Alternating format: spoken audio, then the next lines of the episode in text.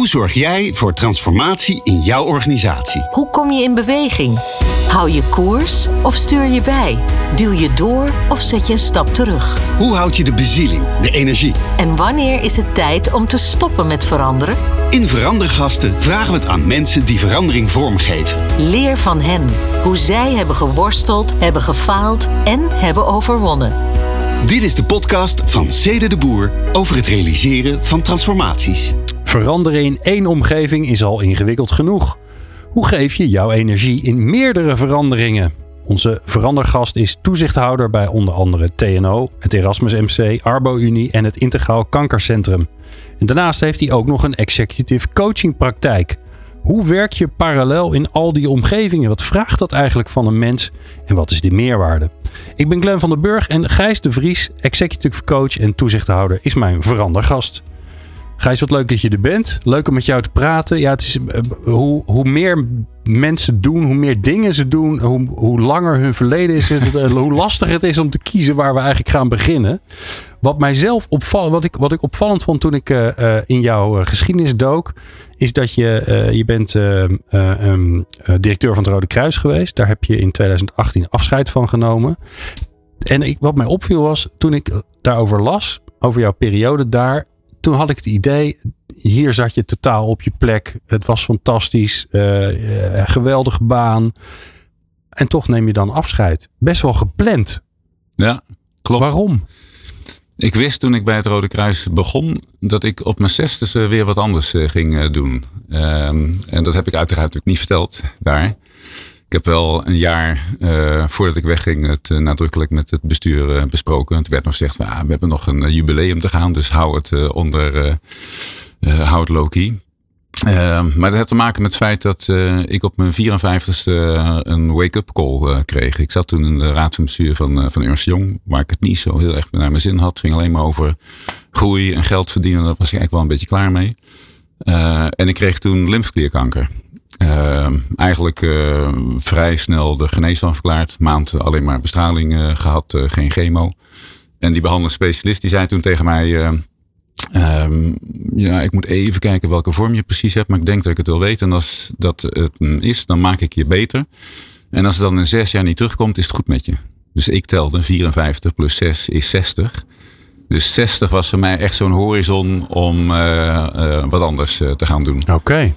Terwijl inderdaad wat jij zegt, Rode Kruis, algemeen directeur, de mooiste baan van mijn carrière is geweest. Ja, en terwijl uh, de ziekte die je hebt gekregen eigenlijk al de wake-up call was. En er ook voor zorgde dat je überhaupt bij de Rode Kruis ging werken. Hè? Ja. Want het was ook een soort van afsluiting van die, nou ja, van die jachtige corporate periode. Ja, ja want ik, ik, ik had toen, uh, ik, had, ik had op 50% doorgewerkt. Ik had nog een bureau binnengehaald van Jan-Peter Balken. En, en toen ik terugkwam, toen zag ik al dat... Uh, gedoe weer om me heen. En toen dacht ik, ja, wat heb ik ook weer geleerd van die ziekte? Het gaat om uh, geluk en gezondheid. En uh, nou, gezondheid heb ik niet in de hand, maar geluk heb ik wel in de hand. En dan, dan ja. moet ik uh, uit de gouden kooi. En toen had ik ook nog zo'n derde G in mijn hoofd van ik wil eigenlijk wat meer goed doen. En toen heb ik eerst een jaartje in een vitaliteitsinitiatief gedraaid, waar ik nou ook weer mijn executive coachpraktijk aan verbonden heb, Mind and Health in Naarden. Ja, en toen kwam die uh, advertentie van het Rode Kruis uh, langs. En die las ik en denk, dacht ik, nou, dit ben ik. Het was een advertentie zelfs. Nou ja, uh, Ebbingen die stuurt dan oh, ja, de, je, werd, je werd even gepolst. Ja, ja. En die zeiden, is dat wat voor jou? Ik zei, ja, dat, dat is hem. Nou ja, ja en zo werd ik En dat. toch hou je dan aan je voornemen vast. Ja. Ik had me voorgenomen 60. Ja. Dan ga ik weer resetten. En, en dat doe je dus ook gewoon ja. dan. Ja. Nou, ik, heb, ik heb me wel getwijfeld, want toen kwam er nog uh, ook weer via een headhunter een polsing langs of ik uh, directeur van het uh, KWF wilde worden. Denk ik, nou, dat is ook wel heel op mijn lijf geschreven. En dan snap ik inmiddels hoe dat allemaal werkt met fundraising. Ben ik zelf patiënt geweest. En toen dacht ik, ja, ik, ik heb mijn hele leven gewoon de hele dag aangestaan. In de weekenden door. ik wil wat meer rust en balans daarin. en ook wat meer in de helikopter zitten. maar ja, en toen ben ik maar begonnen aan het bouwen van een mandje van activiteiten, zoals het heet. Mandje. ja, het is inmiddels wel een aardig mandje geworden, ja. En, ja. en, lukt het je dan toch om dat mandje niet te groot te laten worden? Want er zit best wel wat in al ondertussen. Ja, ja. ja de, de, de, de kunst is dat er geen grote crisissen uh, in die mandjes zich moeten voordoen. Nee. Um, en dat valt eigenlijk op zich wel mee. En dan, dan, dan is het te doen. eh, zelfs ook nog gewoon eh, af en toe hele leuke coachingopdrachten erbij. eh, en ook soms nog wel eens een projectje. eh, omdat de minister roept van, zou je dat niet even kunnen doen? Ja, nou, dat gebeurt meer dan eens. Want eh, die heb ik maar niet in de intro opgenomen. Want Ja. anders werd de intro zo lang. en ik moest ook niet welk projectje ik moest kiezen. Maar dat, eh, die komen nog wel langs. Ja, Ehm, ja, laten we beginnen bij het begin. Verandergasten. Beginnen met veranderen. Ja, en jij, je mag zelf eh, voor jezelf bepalen in welke context je gaat denken. Want je hebt natuurlijk heel veel gedaan en je doet ook nog steeds heel veel. En je, en je loopt in heel, heel veel werelden, ro- werelden rond. Ehm, dus hoe begin, jij, hoe begin je aan een verandering? Hoe verken je wat er nodig is? Ja, het begint bij mij altijd bij, eh, en, dan denk ik nog wel vooral vanuit de rol als bestuurder, hè, maar als toezichthouder kijken en ook als dat soort verandertrajecten zich in dat mandje afspelen, of die bestuurder ook zo denkt, eh, die zit eigenlijk op twee assen. Eh, in, in goed Nederlands pain en gain. Dus hoe, hoe groot is nou eigenlijk de pijn van die verandering? En, en welke winst eh, gaan we ermee eh, bereiken? Ja, en dan hangt het natuurlijk helemaal vanaf. Gaat En het waarom om- is dat belangrijk? nou ja, omdat hoe groter de pijn is in de organisatie, hoe makkelijker eh, het perspectief ook te schetsen is en de winst van die verandering. Andersom, als die pijn wat minder groot is, maar je kunt de winst enorm uitvergroten. ehm, ja, dan dat, dat zijn eigenlijk altijd de hefbomen geweest waar langs eh, ik de zaak heb aangepakt. Maar ja, dan maakt het uit. Gaat het over een fusie? Gaat het over een organisatieverandering? Een lancering van een nieuw product? eh, een reorganisatie? Dus het maakt wel heel erg uit. Maar die, die twee assen. ehm, ja, en, en dat dan gewoon. Hoe kom je daarachter? Ja, dat is, dat is toch gewoon eh, heel veel praten met eh, mensen in de organisatie. eh, maar ook vooral met mensen buiten de organisatie. de, de klanten, maar breed alle stakeholders. En je daar langzamerhand een beeld over vormen. Een soort röntgenfoto maken van die organisatie. Nou ja, en die röntgenfoto die laat ook meestal wel ergens iets zien van een plekje of zo. Hè? Eh, en er zit dan vaak ook een behandeling aan vast. eh, van Ja. eh, hey, hoe kan dan die winst worden gerealiseerd? En is het dan ook zo dat vaak, omdat onduidelijk is wat de pijn eigenlijk is, want een van de grootste problemen bij veranderen is dat men niet mee wil, of dat men in de weerstand gaat, of men ja, Ja. zegt en nee doet. Ja. Zit dat dan in, in, het, in het niet voelen van die pijn? Ja, als je geen probleem hebt, waarom zou je dan wat gaan ja, doen? nou ja, maar dat, dat, dat is wel, wel een goed punt wat je naar voren brengt. Want het is mij wel eens vaak, eh, ja, ik ben wel eens vaak tegen aangelopen dat dan in die organisaties waar je daarop drukt, dat besef er eigenlijk niet of onvoldoende is. Ehm, ja, en dan is het eh, in een rol die ik ook vaak had als consultant, als buitenstaander, ehm, is, het, is het daarvoor waarschuwen. Maar in de rol van bestuurder, eh, ja jongens, jullie zitten hier nu al zoveel jaren bij elkaar. De wereld om je heen is echt aan het veranderen. Eh, eh, by the way, er is ook nog een bepaalde opdracht meegegeven die je vaak krijgt hè, vanuit de Raad van Toezicht. Ja, en dan ga je aan, aan die balans van dat pijn- en, en, en, en game Ja. management werken. En Jij zit natuurlijk nu niet meer zelf aan het stuur, maar je bent eh, ja, toezichthouder Ja. of, of coach. Hè? Ja. Een soort van reismetgezel die je, die je helpt. Ja. Hoe, hoe help je anderen om, om daar helderheid in te krijgen in, in die pijn? Ja, in een, in een aantal gevallen eh, zie ik dan wel eens een worsteling van, van de Raad van Bestuur om zelf dat wiel een beetje uit te vinden. En dan roep ik eens, eh, goh, zou je er nou niet eh, een externe bij halen? Een bureau die ook wat vaker met het beltje gehakt heeft. Ik ken wel wat mensen, dat is ook een belangrijke rol die je hebt, hè? Je, je netwerk gebruiken. Ehm, zou het niet verstandig zijn dat wij zelf als Raad van Toezicht, want er zit heel veel eh, expertise eh, in, ook meedoen in de verdere eh, denkproces rondom zo'n zo'n nieuwe strategie. Ehm, ja, voor het over is natuurlijk vooral in die rol is het te challengen en vragen stellen en doorvragen. en, en de dilemma's scherp zien te krijgen. Eh, en, dat, eh, en dat gewoon vrij. Hè? Dus niet, niet met een oordeel of zo. eh, gewoon, gewoon de dilemma's op tafel. de kiezelstenen in de schoen van een bestuurder. mooi, ja, heel mooi. Ehm, eh, eh, als je nou kijkt naar, jouw eh, naar jouw nieuwe rol, hè? dus die, ja, meer die, die toezichthoudende of helpende rol voor- bestuurders. Daar hebben we een mooie metafoor voor bedacht. om te kijken, ja, wat voor mens je dan eigenlijk bent. Welk instrument ben jij? Ja, dus ik weet niet wat voor muziek je, je favoriete muziek is, maar eh, neem een band of een orkest of een, Ja. nou, een samenstelling van mensen die muziek aan het maken zijn. Welk muziekinstrument ben je dan? Ja. Ja, mijn all-time favorite is eh, David Bowie. Maar Oh. die heb ik nog niet veel achter dat instrument zien zitten wat ik dan zou zijn. Ehm, maar dat heeft ook wat te maken met het feit dat ik eigenlijk altijd weer die drive heb gehad om dat te gaan doen op een gegeven moment. Maar het komt er maar niet van. Oh. Eh, en dan heb ik ook nog een dochter die eh, erin is afgestudeerd op het conservatorium. Daar heel erg goed bij zingt. En het gaat over de piano. Ah, Wat het mooie van de piano is dat het zoveel eh, prachtige, diepe klankkleuren kan teweegbrengen. En dat je het als een pianist kunt spelen solo. maar dat je het ook gewoon in een orkest kunt spelen of in een bandje als begeleiding. Dus dacht ik, ja, die, die, die metafoor van begeleiden, die zit wel heel erg mooi vast aan een piano. En als je dan bege weglaat, kun je ook af en toe eens een solootje doen. Eh, ja, dus, eh, nou, en in mijn situatie ja, ben, ik, ben ik natuurlijk op al die plekken in dat mandje ben ik ook nog voorzitter. Nou, dus dat een beetje leiden zit daar dan ook nog wel bij. ja. Maar het is vooral Ja. begeleiden. Ja, het, het is een beetje het meest eh, veelzijdige instrument wat er is. Hè. Het is een orkest in zichzelf, maar Ja. je, kunt ook, eh, je, je kunt het ook eh, onderdeel van het geheel laten zijn. Ja, mooi. Maar zo- zelf dus niet, zelfs niet na je zestigste. Nee, ja, het zat, ik had het me Moet wel voorgenomen. mandje en, eigenlijk. en af en toe heeft Cor Bakker met die advertenties. Hè, en dan denk ik, zal ik? Zal ik? Ja. Maar dan weet ik weer hoe ik ben. Ik ben veel te gedisciplineerd. En dan, dan gaat dat toch ook wel weer heel erg veel tijd kosten. Ja, en ik wil ook dat is interessant. Je bent veel te. Want het probleem is vaak met een muziekinstrument leren. is dat mensen niet gedisciplineerd genoeg zijn. Zoals ik. Ja. Eh, dus ik moet het echt van het plezier erin hebben. Omdat ja, op de dagen dat ik er geen zin in heb, doe ik het gewoon niet. Ja. Maar bij jou is het dus andersom. Ja. Je weet, als ik eraan ga beginnen, dan ga ik het ook echt doen. Ja. ja, dat is een gevleugelde afkorting bij ons thuis. Eh, met mijn kinderen, die, oh, daar komt hij weer. Dat is KDM en dat staat voor karakter, discipline en motivatie. Dus eh, altijd doorgaan, eh, als het tegen zit, eh, gemotiveerd er tegenaan. Door blijven zetten, karakter tonen en gedisciplineerd zijn. Dus ja, ik vrees als ik dan met de piano begin.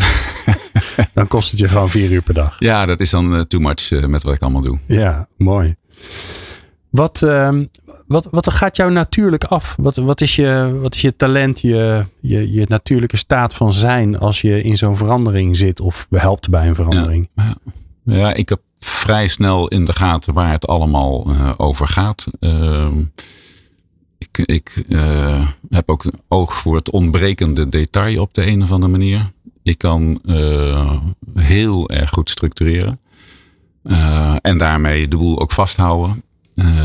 Maar ik ben ook wel in staat om eh, ja, die marsroute verder uit te stippelen. En mensen daarin mee te krijgen. Het verhaal goed te vertellen. Eh, of in die rol als toezichthouder de bestuurders aan te spreken om met een heel kort, bondig, to the point, eh, maar ook vooral enthousiasmerend verhaal te komen. Vormen erbij te kiezen die ook, ook aanspreken. Eh, ik, ik sta eigenlijk overal bekend eh, in mijn oude rol als consultant of als bestuurder, eh, maar ook wel als toezichthouder. Eh, ik gebruik bijna altijd een cartoon. Oké. Dus het hele nieuwe strategieplan van het Rode Kruis was aan één cartoon ophangen. En dan ging ik door het hele land met alle vrijwilligers en ik leg die cartoon op tafel en we gingen het erover hebben.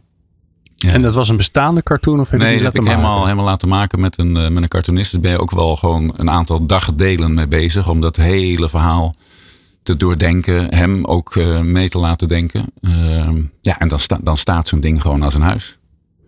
Maar het grappige is, ik hoor je een aantal dingen zeggen die meestal niet in één mens passen. Namelijk, eh, ik ben heel ana- analytisch. Ik zie, ik zie wat er gaande is. Ik zie wat er nodig is. Eh, en ik kan mensen ook enthousiasmeren. En ik kan ze dan ook nog meekrijgen. En ik kan en, je vertelt net ook in het voor, voorbeeld van het cartoon. Je kan het ook nog eens een keer communicatief vertalen. Ben je een soort Superman? Of ben je, eh, wa- waar ben je faalbaar? Waar, waar, zit, eh, waar, zit, de- waar, zit waar zit de pijn? Waar zit het onvermogen? Eh, nou ja, dat, dat, dat je eh, soms wel eens dan te gestructureerd bent. Hè? Wel- eens ook te star kunt eh, zijn. Misschien soms ook wel in die rol als bestuurder iets te veel aan je eigen standpunten eh, vast, eh, vasthouden.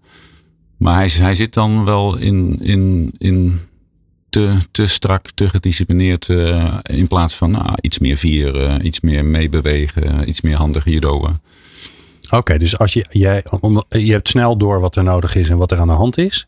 En je hebt ook dan snel een idee wat er moet gebeuren. Alleen dan moet de rest nog wel eventjes daar ook iets van vinden.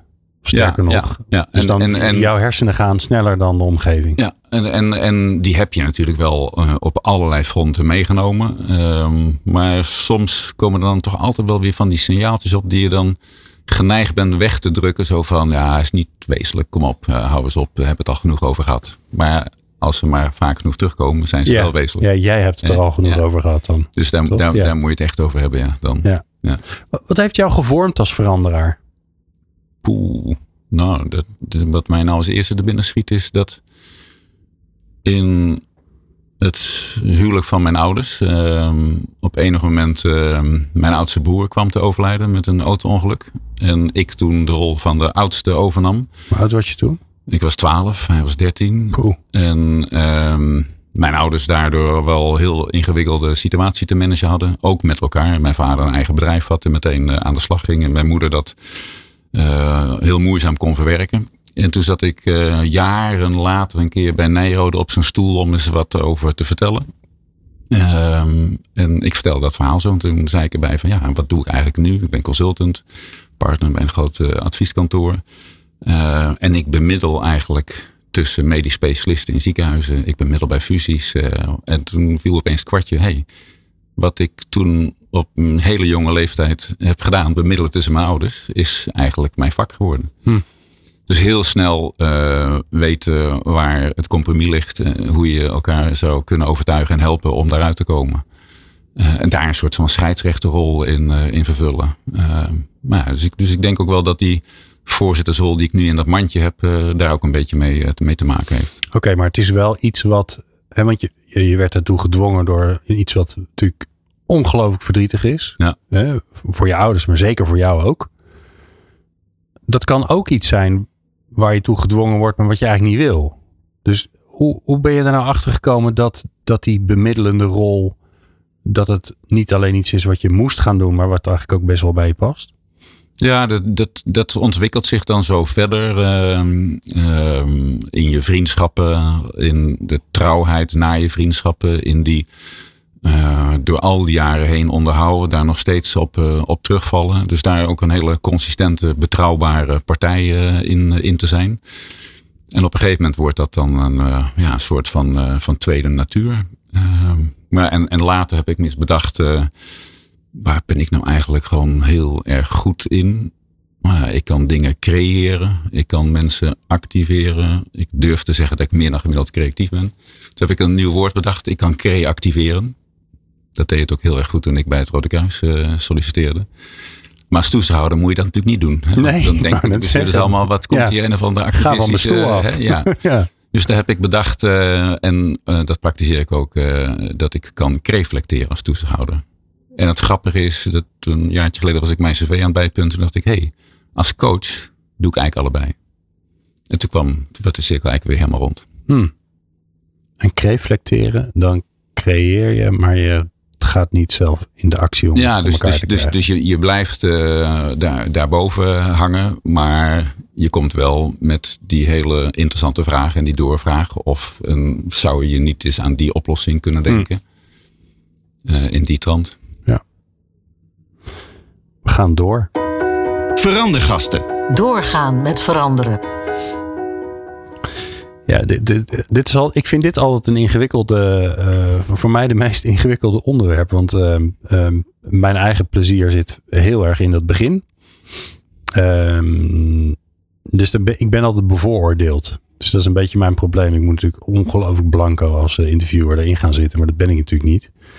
Ik hoor jou toch ook zeggen, ja, creativeren, reflecteren, dat creëren, dat bedenken, eh, snel analyseren wat is er, is er aan de hand. Hoe, hoe hou je vol in zo'n verandering? Want elke keer maar gaan creëren, dan zorg je elke keer weer voor iets nieuws en dan komt er nooit iets af. Ja, dat, dat heeft toch ook te maken met eh, waar, waar word je nou zelf eigenlijk heel erg warm van? Wat, wat, wat, wat is ook eigenlijk jouw reden van bestaan? Wat zijn je levensdoelen? en één daarvan is wel bijdragen aan de ontwikkeling van mezelf en aan de ontwikkeling van anderen. En jezelf daar ook permanent in blijven scholen. Uh, en nieuwe ervaringen, nieuwe dingen op doen. Nou ja, en, en het mooie is in de rol die ik nu heb. Uh, ik zit niet meer standaard in één organisatie. Maar het zijn er zes. Uh, plus nog wat coaching naar al die mensen die op C-level zitten in allerlei andere organisaties. Dus automatisch gaat bij mij toch die propeller weer werken als ik daarmee bezig ben. ik, ik heb nu de mazzel op drie van die mandjes dat er drie nieuwe CEO's zitten. Uh, en dan kan ik mezelf weer spiegelen en ontwikkelen aan, uh, aan hun. Uh, ja, en daar kijk ik met zoveel plezier al naar uit. Om de komende zoveel jaar daarmee aan de slag te gaan. Ja, en je stapt natuurlijk als toezichthouder elke keer weer even in de werkelijkheid. Maar je stapt er ook weer uit. Ja. Omdat je er niet dagelijks mee bezig bent. Ja. Dus je kunt elke keer weer opnieuw analyseren. Ja.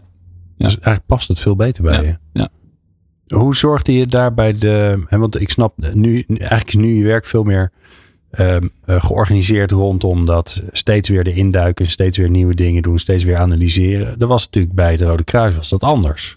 Dan kon je niet elke keer weer wat nieuws gaan creëren. Dan moest je ook gewoon met elkaar natuurlijk zorgen dat het, dat het voor elkaar kwam. Dus hoe, hoe hield je daar de energie erin? Ja, maar toch bij, bij het Rode Kruis lag er echt een enorme opgave om uh, de, uh, de zakelijkheid erin te brengen. Ehm, en ook meer aan fondsenwerving te doen. Dus ik kon eigenlijk alle contacten die ik had uh, aanboren om uh, partnerships uh, aan te gaan. Um, ja, er is een compleet nieuw vrijwilligersconcept bedacht. Ready to help.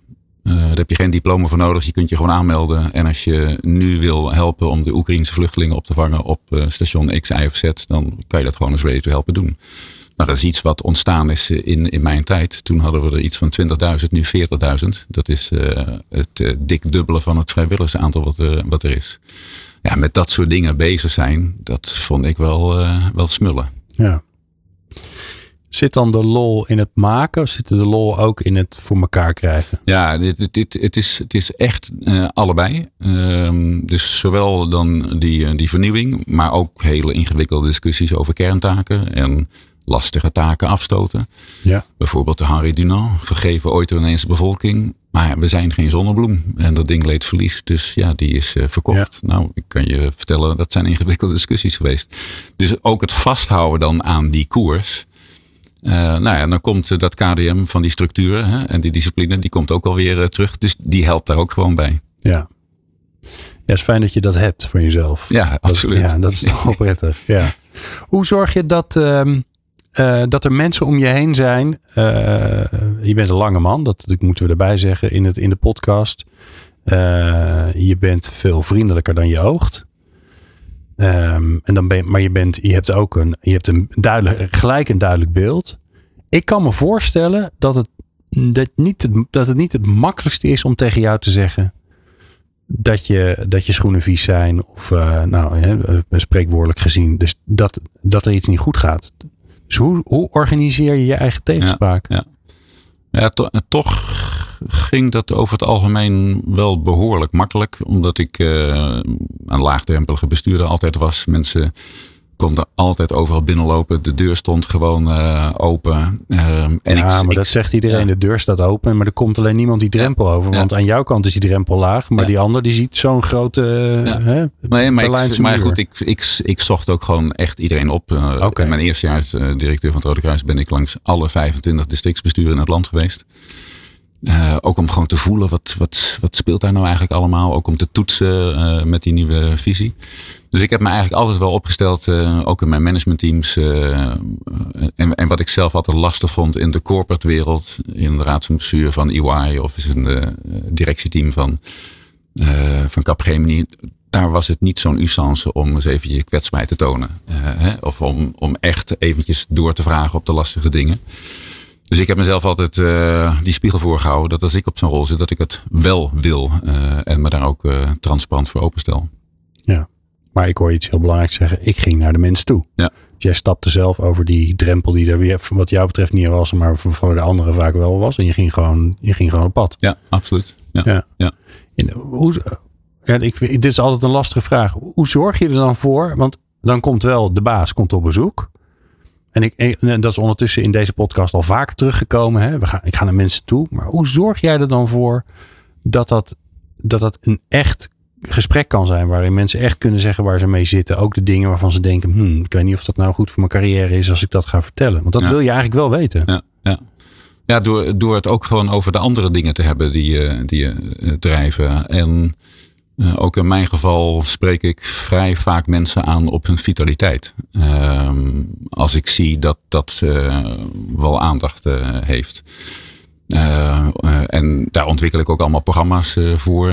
Daardoor ontstaat er ook een hele andere vibe in een organisatie. Uh, mensen denken van, hé hey, verrek, er wordt hier aandacht besteed aan life balance. Okay. Dat is iets wat we eigenlijk niet zo goed kennen. En als je dan zelf ook een beetje iemand bent die dat propageert en uitstraalt, nou, dan, dan krijg je het makkelijk over andere dingen. Ik krijg nog appjes van mensen van dankzij jouw prikkels ben ik nu dit en dat uh, gaan uh, doen. Oh, wow. Dat vind ik wel, uh, vind ik wel echt gaaf. Oh, grappig. Dus, dus de, het, het ehm, bezig zijn met de vitaliteit en met de gezondheid van mensen door samen te sporten of het over voeding te hebben of ja. nou ja, alles wat ja. je daarmee kan doen, dat zorgt er eigenlijk voor dat je op, ook op een heel ander gebied betere gesprekken met elkaar hebt. Ja, dus, dus als je ook masterclasses op dat gebied organiseert, eens in de zes weken, je laat een eminent spreker over uh, uh, slapen binnenkomen. En je zit zelf er ook bij. Uh, ja, dat staat toch wat anders uit ja. dan de gemiddelde CEO, denk ik. Ja, en nu zeg je iets heel grappigs. Hè? je zit er zelf ook bij. Volgens mij gaat het daar ook vaak mis. we zeggen, ja, dat doen we voor onze medewerkers. En dan de CEO is zelf heel druk aan het doen, terwijl hij het misschien wel als beste kan gebruiken. Ja. Los van het feit natuurlijk wat je, wat je uitstraalt als je erbij zit. Namelijk, ik vind dit echt belangrijk, want ik ben erbij. En dat vergeten volgens mij heel veel uh, leiders nog wel eens. Ja, zeker. Uh, zeker. Dat ze het misschien ja. zelf al veertien keer gehoord hebben, maar dat dat eigenlijk voor die anderen helemaal niet uitmaakt. Ja, maar ik dacht altijd, hey, ik kan altijd weer iets meepikken hier. Ja, nou zeker als het gaat over slapen. Daar hebben we nog een hoop te leren met z'n allen. Welke blunder heb je nou ooit gemaakt? Waar je heel veel van geleerd hebt? Ja, dat, dat is een blunder die wel vaker terugkwam dat ik dacht van. Uh, het, was een, het was een steen waar de ezel zich vaak ja, aan heeft ja. gestoten. En okay. ik dacht van: dit gaat niet goed met jou. Uh, en tussen jou en mij gaat het ook niet goed. Maar het is niet zo slecht dat ik denk van: weet je wat, we hakken de knoop uh, door. Dus dan modder je toch maar een beetje wat aan. en dan wordt het op een gegeven moment van kwaad tot erger. Uh, en dat heb ik wel toch wel te vaak laten gebeuren. Waardoor dat dan tot een onwerkbare situatie leidt. En het dan helemaal onaangenaam uh, kan gaan worden. Dus uh, op enig moment heb ik wel gezegd. en dat is eigenlijk in die Rode Kruistijd begonnen. Dat ga ik niet meer doen. Dus als ik nu het gevoel heb dat het niet past. Dan hebben we het meteen een gesprek over. En dan zetten we de tering naar de nering. Oké. Okay. Maar daar moest ik dus wel heel veel vervelend dus niet dingen door. Hè, uh, ja, hè, uh, Altijd in het intermenselijk contact. Ja, dus gelijk uh, snijden en niet ja. denken, ach, het, ja. we, we, kijken het nog even aan. Ja. Ja. Zachte heelmeesters. Ik was heel erg aan het zoeken naar, de, naar de spreekwoorden. Ja, nee, maar dat die, is hem. Ja. Ja. ja. Is, is dat dan, wat zit erachter? Ja, to, toch zoiets van uh, een, een, een extra kans geven. Uh, zie ik het eigenlijk wel helemaal goed. Uh, er, is, er is natuurlijk altijd ook een, ver, een verzachtende omstandigheid uh, voor, die, voor die persoon. Hm. maar vaak... niet, niet ik wil aardig gevonden worden. Nee, nee. Okay. nou misschien, nou, dat is wel goed dat je het zegt. Misschien toch ook nog wel een beetje even weer terug naar die ouders van mij. Die altijd op die consensus uit zijn. Hè? Dat zou er ook nog wel eens achter kunnen zitten. Ja. ja. Ja, want dat is natuurlijk het bemiddelen in het conflict van een ander is, an, is anders dan zelf het conflict beginnen. Ja. Ja. Oké. Okay. Um, hoe belangrijk is humor? Ja, heel, heel belangrijk. Echt. Alleen al in die cartoons zat natuurlijk altijd uh, een of andere geinige verwijzing waar je weer een grap over uh, kon maken. Uh, ik heb zelfs in mijn Ernst Jong tijd, toen ik verantwoordelijk werd voor de hele consultancy tak, heb ik een motto uh, met elkaar omarmd. Fun to work with. Uh, en ik heb dat motto. Oh, maar dat is interessant. Fun to work with. Dus ja. het is ook naar je klanten. Toe. Juist. Nou, dus de, klanten moesten vooral ja, met, met jullie plezier. Ja, maar hebben. ik moest het ook nog uitleggen aan die fiscale partners die daar helemaal niets van begrepen. en dan zei ik van ja, maar het heeft te maken met het feit als je eenmaal gewoon een goede relatie met een klant hebt en je hebt lol met elkaar. Uh, het is de beste repeat business die er is. Oh, werkt dat zo? Ja, ik zei dat zo. Ja. Maar vervolgens heb ik dus ook gewoon uh, een paar jaar lang dat motto helemaal uitgemolken. Tot en met een, uh, een plan in de vorm van een bescheurkalender die je op je wc kon uh, hangen. in plaats van een gewoon plan.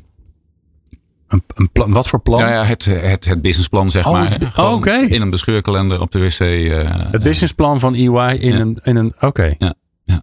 Eh, eh, zo, goedemorgen zeg. Dat is nogal een werkje. ja, dat was ja, leuk, maar ook leuk werk. Ja. Nou ja, en de grap is natuurlijk dat. dat ehm, maar dat vind ik wel bijzonder, merk ik. Dat, dat de koppeling maken tussen analytisch zijn en zien wat er gebeurt. En eh, eh, instrumenteel. En, en die andere kant eigenlijk. Ja, ze zeggen de andere kant van de hersenhelft. Dat klopt eigenlijk helemaal niet meer helemaal. Want alles zit dwars door elkaar heen. Maar meer dat creatieve. Die vertaling naar iets zodat het ook leuk en grappig. Maar ook daardoor werkt. Ja. Want Je, kunt, je, kunt, je kunt ook vanuit, vanuit analyse denken, ja, ik zet het gewoon op een rijtje en dat is toch duidelijk, want onderaan de streep is het meer. Dus dan gaan we dat doen. Maar zo werkt Ja. het helaas Ja. niet. Dat is wel bijzonder dat je dat allebei hebt. Nee, ik, ik, ik heb ook diverse keren eh, dichters des vaderlands benaderd. Om over het thema waar ik toen mee bezig was een gedicht te maken. En op het moment dat zij dat dan in een zaal voordragen. Ja, dan heb je gewoon iedereen. En daarna kun je het weer gebruiken als communicatieinstrument.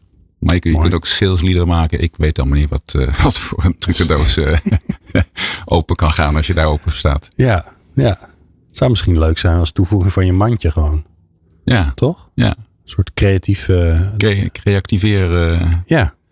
Ja, ja. Bijbeltje. Kom, kom, met je saaie, kom met je saaie veranderplan en dan eh, ja, dan geven we er een twist aan. bedenkt Gijs de twist zodat het weer leuk en, eh, en creatief wordt. Ja. Alright.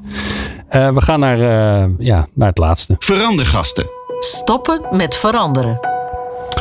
En ik heb daar een paar eh, stellingen voor je, Gijs. Dat werkt eigenlijk heel simpel, maar we hebben het toch nog maar een keertje voor iedereen uitgelegd, omdat het ook gewoon leuk is om dat te doen. Instelling.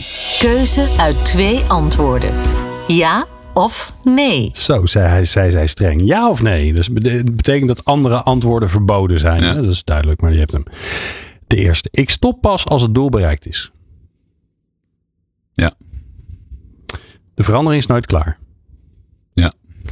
Oké, dan heb, nu gaat het op ook kortsluiting in mijn hoofd. Als jij nooit stopt als het doel bereikt is en de verandering is nooit klaar, dan stop jij dus nooit. Nee, dat, dat, is, dat is een goede wiskundige eh, redenering. Ja, hè? eh, Ja, Ja. ja. Ja, ja. maar hij komt toch wel een beetje terug op het KDM, hè? gewoon gewoon echt door blijven gaan. En je- veranderingen zijn ook nooit klaar. eh, dus dus eh, Nee, maar jij stopt toch wel een keer. Je bent ook gestopt bij de. Ja. eh, Nou ja, en, en, en dat, dat vind ik wel op eindverantwoordelijke posities. twee keer vier jaar is mooi. Zowel als toezichthouder. En dan komt er weer nieuwe energie, nieuwe elan. en dan kan die persoon daar weer een draai aan geven. Dus jij- jouw oplossing voor het feit dat je nooit stopt, is het gewoon kader in de tijd. Ik ben 60, ik stop. Ja. Twee keer vier jaar, Ja, ik stop. Volgende fase. Ja. Nou, Oké, nou, dat lijkt me een uitstekende oplossing. Ehm, mijn omgeving geeft het aan als het tijd voor mij is om te stoppen. En dan hoeft het niet per se definitief stoppen, maar stoppen met datgene waar ik eh, druk aan mee aan het veranderen ben. Ja, ik denk dat dat eh, thuis eh, zeker gebeurt. En ook vanuit een aantal hele goede vrienden. En hoe werkt dat dan? Want wat zien ze dan aan jou wat je zelf nog niet door hebt? Nou ja, dat je zo regelmatig terugkomt op een, eh, een lastig iets. eh, dat dan die spiegel wordt voorgehouden van... Wordt het niet eens tijd om eh, het over een ander boeg te gooien? Ja, oké, jij krijgt de spiegel regelmatig, maar zij, zij zien iets aan je.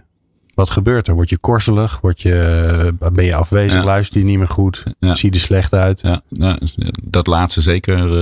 ik ben al lang en smal, dus ik kijk nog meer getekend gezicht. Maar op de een of andere manier ziet mijn vrouw altijd iets aan mijn mond eh, die wat gaat verstrakken. En als dat te vaak gebeurt, dan zit er iets van een verstrakking in het lijf.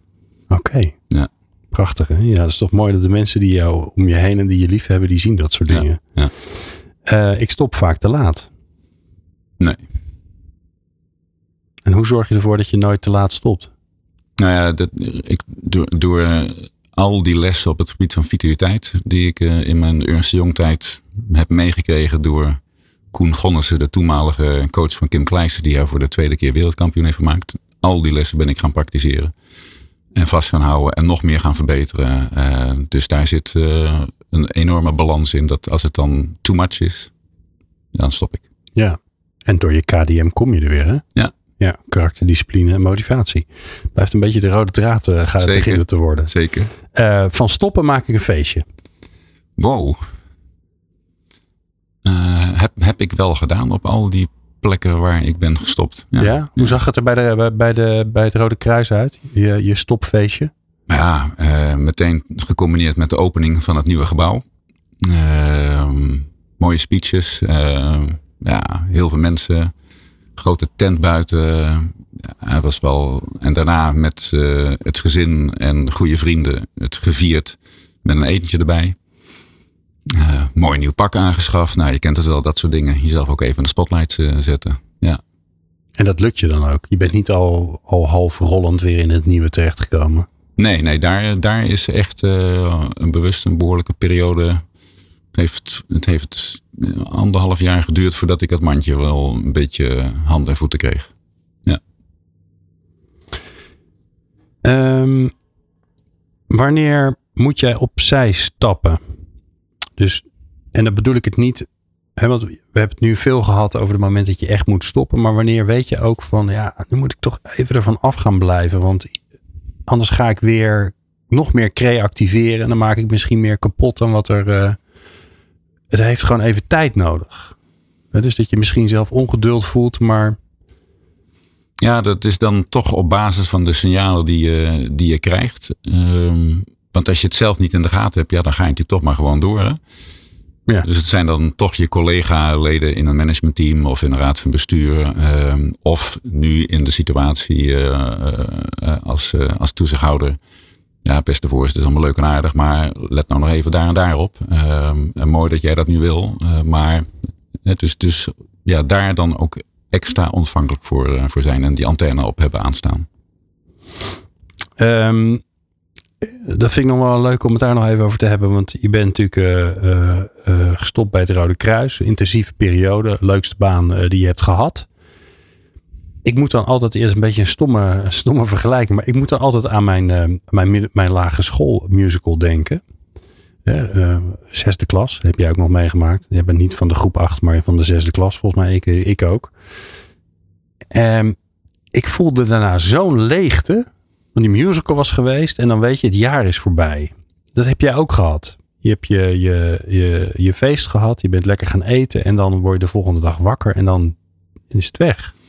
Hoe ga je daarmee om? Ja, maar bij mij was het in die zin bijzonder. Ik uh, was toen 60 geworden. In die periode uh, had ik die zes jaar doorstaan. Ja. En ik was gestopt met het Rode Kruis. Dus ik heb toen uh, mijn top 100 beste vrienden uitgenodigd voor een gigafeest uh, in de jaarbeurs. Ook een hele mooie thematiek gestoken. Um, en daar ook eens eventjes flink bij stilgestaan. dus ik heb het gewoon echt heel bijzonder gevierd. Ja. Om er eigenlijk voor te zorgen dat het niet maar gewoon weg hebt. Maar ja. om er ja. een enorme dik spijker in te slaan. Ja, en dat had misschien nog wel achteraf gezien meer te maken met het feit dat ik die 60 jaar uh, probleemloos had doorstaan. En mooi op de jaarbeurs. Waar Wat speelt dat dan toch de hele tijd door je, door je achterhoofd? Ja, dat is dan toch wel een soort van. Uh, terwijl ik er eigenlijk helemaal niet echt bij uh, stil heb gestaan. Uh, ik heb altijd meteen die knop kunnen omzetten. Maar het is dan toch wel iets. En misschien ook die gedisciplineerdheid in mijn vitaliteit. Die zal daar voor een gedeelte ook wel in te maken hebben. Want ik, ik heb gewoon nu nog meer tijd om daar aandacht aan te besteden. Ja. Ook een bewuste keuze om dat te doen. Ja. Gaan de laatste vraag, Gijs. Um, vanuit al jouw ervaring. Dit is een, onmogelijke vraag voor je, maar dat ga ik ga toch doen. Vanuit al jouw ervaring die je hebt, um, alles wat je hebt gedaan en alle wijsheid die je hebt opgedaan. Wat zou je uh, onze luisteraars, andere veranderaars die dit onderwerp interessant vinden, want anders zouden ze niet uh, hier naar luisteren. Wat zou je ze mee willen geven? Nou, het is iets wat ik eigenlijk bij al mijn coachklanten doe. Uh, lees het boek van John Strelicky, Big Five for Life. Dan zie je daar op een gegeven moment een afkorting in staan, RVB. En als je een beetje een corporate deformatie hebt zoals ik had, denk je meteen, oh, raad van bestuur. Nee, maar dat is reden van bestaan. Um, en dan word je geprikkeld door dat verhaal om je eigen reden van bestaan eens op te gaan schrijven. En om dan concreet te maken dat als je op reis gaat naar Afrika, dan wil je die vijf dieren gezien hebben. Maar wat zijn dan jouw vijf levensdoelen? Nou, als je die twee, je, je reden van bestaan en je vijf levensdoelen is opschrijft en er dan ook gaat, naar gaat leven. Ja, dat zou ik eigenlijk wel iedereen willen gunnen. Dat is mij pas tot dat inzicht gekomen op mijn 54ste. Dus ik zou zeggen, er is nog uh, heel veel mogelijk voor, uh, Ja. voor allerlei mensen. En neem ons eens mee, want misschien kunnen we je wel helpen joh, met die vijf eh, levensdoelen. Nee, de, de, de, al- de allereerste die ik wellicht ook daarvoor te weinig centraal heb is het koesteren van mijn inner circle, eh, van, mijn, eh, van mijn gezin eh, en mijn dierbaren. Ehm, een andere daarvan is nou, het creativeren en reflecteren, door blijven zetten. Een tweede is in ieder geval vitaal blijven, maar ook al mijn inzicht op dat gebied op anderen overdragen. De vierde is een baken zijn voor anderen om zich aan op te kunnen trekken. En de vijfde, die is nog in ontwikkeling, eh, is meer doen met eh, spiritualiteit en eh, elke dag mediteren. Mooi. Ik dank jou zeer voor het prachtige gesprek. Gijs de Vries, executive coach en toezichthouder. Jij dank voor het luisteren. Dank voor het luisteren naar Verandergasten. De podcast van Cede de Boer over het realiseren van transformaties. Je helpt ons enorm met 5 sterren, een like, follow of duimpje. Meer afleveringen vind je in jouw favoriete podcast app. Vergeet je niet te abonneren als je niks wilt missen.